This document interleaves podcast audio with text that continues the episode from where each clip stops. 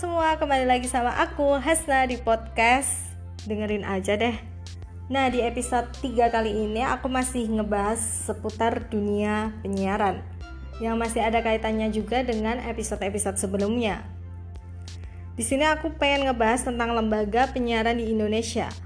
Pada setiap stasiun penyiaran televisi dan radio tentunya memiliki wadah dalam menjalankan fungsinya ketika melayani jasa penyiaran. Lembaga penyiaran di Indonesia diatur dalam Undang-Undang Republik Indonesia Nomor 32 Tahun 2002. Terdapat empat lembaga penyiaran di Indonesia. Yang pertama adalah lembaga penyiaran publik, yang kedua adalah lembaga penyiaran swasta, yang ketiga adalah lembaga penyiaran berlangganan, dan yang terakhir adalah lembaga penyiaran komunitas. Yang pertama aku pengen ngebahas lembaga penyiaran publik. Lembaga penyiaran publik merupakan lembaga yang berbentuk badan hukum yang didirikan oleh negara, bersifat independen dan netral yang berfungsi memberikan layanan masyarakat.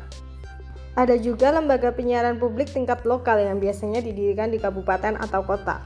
Contoh di Indonesia, lembaga penyiaran tingkat lokal adalah TVRI dan RRI, Televisi Republik Indonesia dan Radio Republik Indonesia.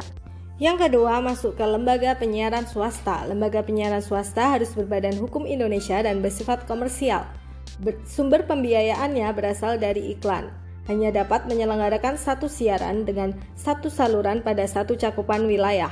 Warga negara asing dilarang menjadi pengurus stasiun penyiaran swasta kecuali pada bidang keuangan dan bidang teknik. Modal asing masih bisa diperbolehkan dan dimanfaatkan Selanjutnya, lembaga penyiaran berlangganan. Stasiun penyiaran berlangganan melalui kabel, stasiun penyiaran berlangganan melalui satelit komunikasi, stasiun penyiaran berlangganan melalui terestrial harus melakukan sensor internal terhadap semua isi siaran yang akan disiarkan.